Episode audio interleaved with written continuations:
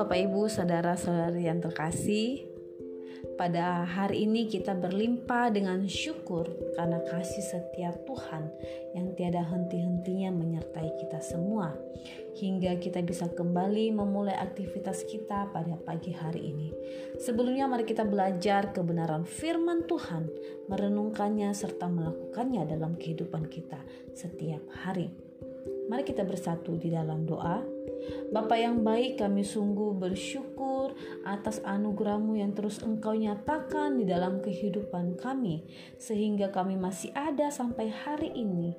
Semuanya itu oleh karena kasih anugerahmu Tuhan. Dan biar kiranya kebenaran firmanmu yang terus menjadi pedoman dalam kehidupan kami. Tuhan jamah setiap hati dan pikiran kami agar kami dapat mengerti kebenaran firman-Mu. Hanya di dalam nama Tuhan Yesus Kristus kami berdoa. Haleluya. Amin. Nah, Bapak Ibu, saudara-saudari yang terkasih, pada hari ini kita akan belajar dalam kitab Esther pada pasal yang ke-8. Dan di dalam pasal ini Bapak Ibu terdiri dari 17 ayat di mana pasal yang menceritakan tentang Raja Ashiweros setelah menjatuhkan hukuman kepada Haman, yakni seteru orang Yahudi, maka harta miliknya diberikan kepada Esther. Dan oleh karena raja tahu bapak ibu mengenai hubungan Mordekai, hubungan keluarganya dengan Ratu Esther sehingga kepadanya diserahkan cincin materai raja Bapak Ibu untuk memateraikan setiap surat berdasarkan titah yang raja berikan seperti yang Haman dulu peroleh.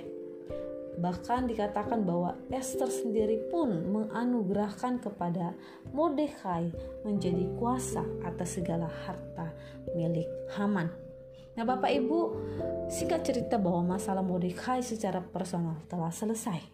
Tetapi masih ada ancaman yang terus menekan situasi orang-orang Yahudi oleh karena berdasarkan tita raja melalui surat edaran untuk membasmi bangsa Yahudi yang telah dilakukan oleh Haman sebelumnya. Dan dalam ayat yang ketiga sampai ayat yang keenam Bapak Ibu di mana merupakan sikap Esther yang sujud datang kepada raja sambil menangis untuk memohon karunia raja agar menarik semua surat yang diedarkan untuk memusnahkan bangsanya. Kita dapat melihat di dalam ayat yang ketiga sampai ayat yang keenam firman Tuhan berkata, Kemudian Esther berkata lagi kepada raja sambil sujud pada kakinya, menangis memohon karunianya supaya dibatalkannya maksud jahat Haman orang Agak itu serta rancangan yang sudah dibuatnya terhadap orang Yahudi. Maka raja mengulurkan tongkat emas kepada Esther lalu bangkitlah Esther dan berdiri di hadapan raja serta sembahnya. Jikalau baik pada pemenangan raja dan jikalau hamba mendapat kasih raja dan hal inilah kiranya dipandang benar oleh raja dan raja berkenan kepada hamba maka hendaklah dikeluarkan surat titah untuk menarik kembali surat-surat yang berisi rancangan Haman bin Hamedata orang Agak itu yang ditulisnya untuk membinasakan orang Yahudi di dalam semua daerah kerajaan. Karena bagaimana hamba dapat melihat malapetaka menimpa bangsa hamba dan bagaimana hamba dapat melihat kebinasaan sanak saudara hamba.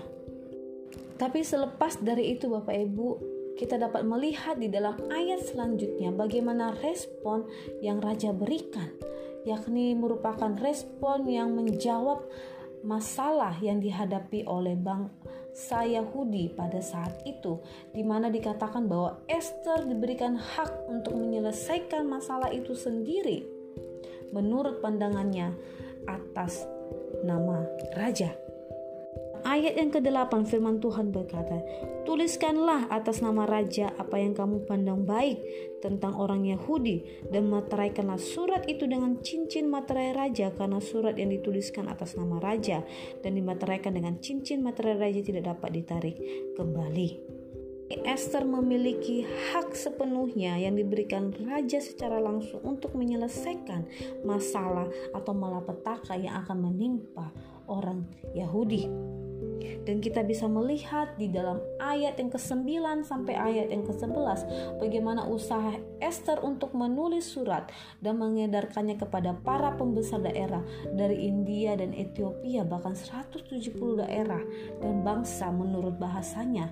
Di mana di dalam isinya di dalam ayat yang ke-11 firman Tuhan berkata raja mengizinkan orang Yahudi di tiap-tiap kota untuk berkumpul dan mempertahankan nyawanya serta memunahkan membunuh atau membinasakan segala tentara, bahkan anak-anak dan perempuan-perempuan dari bangsa dan daerah yang hendak menyerang mereka dan untuk merampas harta miliknya. Di sini orang Yahudi berhak untuk mempertahankan hidupnya masing-masing. Mereka mendapatkan pembelaan dari raja. Mereka mendapatkan perlindungan dari raja. Sebelumnya mereka yang ingin dibinasakan, maka keadaan terbalik. Mereka menjadi orang-orang yang dilindungi oleh Raja Ashiweros melalui Esther. Nah, perintah dari raja ini mendatangkan sukacita yang besar kepada orang Yahudi ayat yang ke-16 orang Yahudi telah beroleh kelapangan hati dan sukacita, kegirangan dan kehormatan. Maka kota Susan bertepik dengan sorak-sorai dan sukacita serta kegirangan yang penuh terjadi atas kehidupan orang-orang Yahudi. Di mana keadaan terbalik, mereka yang mau dimusnahkan justru mereka memperoleh keselamatan. Mereka yang akan terabaikan Bahkan dengan terbalik situasi yang ada, mereka menjadi dilindungi dan diperhatikan. Mereka mempunyai hak untuk hidup Bapak Ibu. Nah, jadi di sini Bapak Ibu kita bisa melihat di dalam kisah ini bagaimana kedaulatan Allah kedaulatan Allah sebagai pemegang kendali. Bapak Ibu di dalam kedaulatan Allah, keadaan yang suram atau berada di dalam tekanan bahaya atau bayang-bayang maut yang menghampiri kita tetapi Bapak Ibu saat kita datang dengan merendahkan diri, mempercayai Tuhan dengan segenap hati, melihat bahwa Tuhan yang kita sembah, dia adalah pemegang kendali atas segala sesuatu yang terjadi. Maka ini akan mengubahkan keadaan yang merugikan menjadi sebuah keberuntungan yang melebihi dari apa yang kita pikirkan. Demikianlah yang terjadi mungkin di antara orang-orang Yahudi pada saat itu. Mereka sedang mengalami tekanan, ketakutan.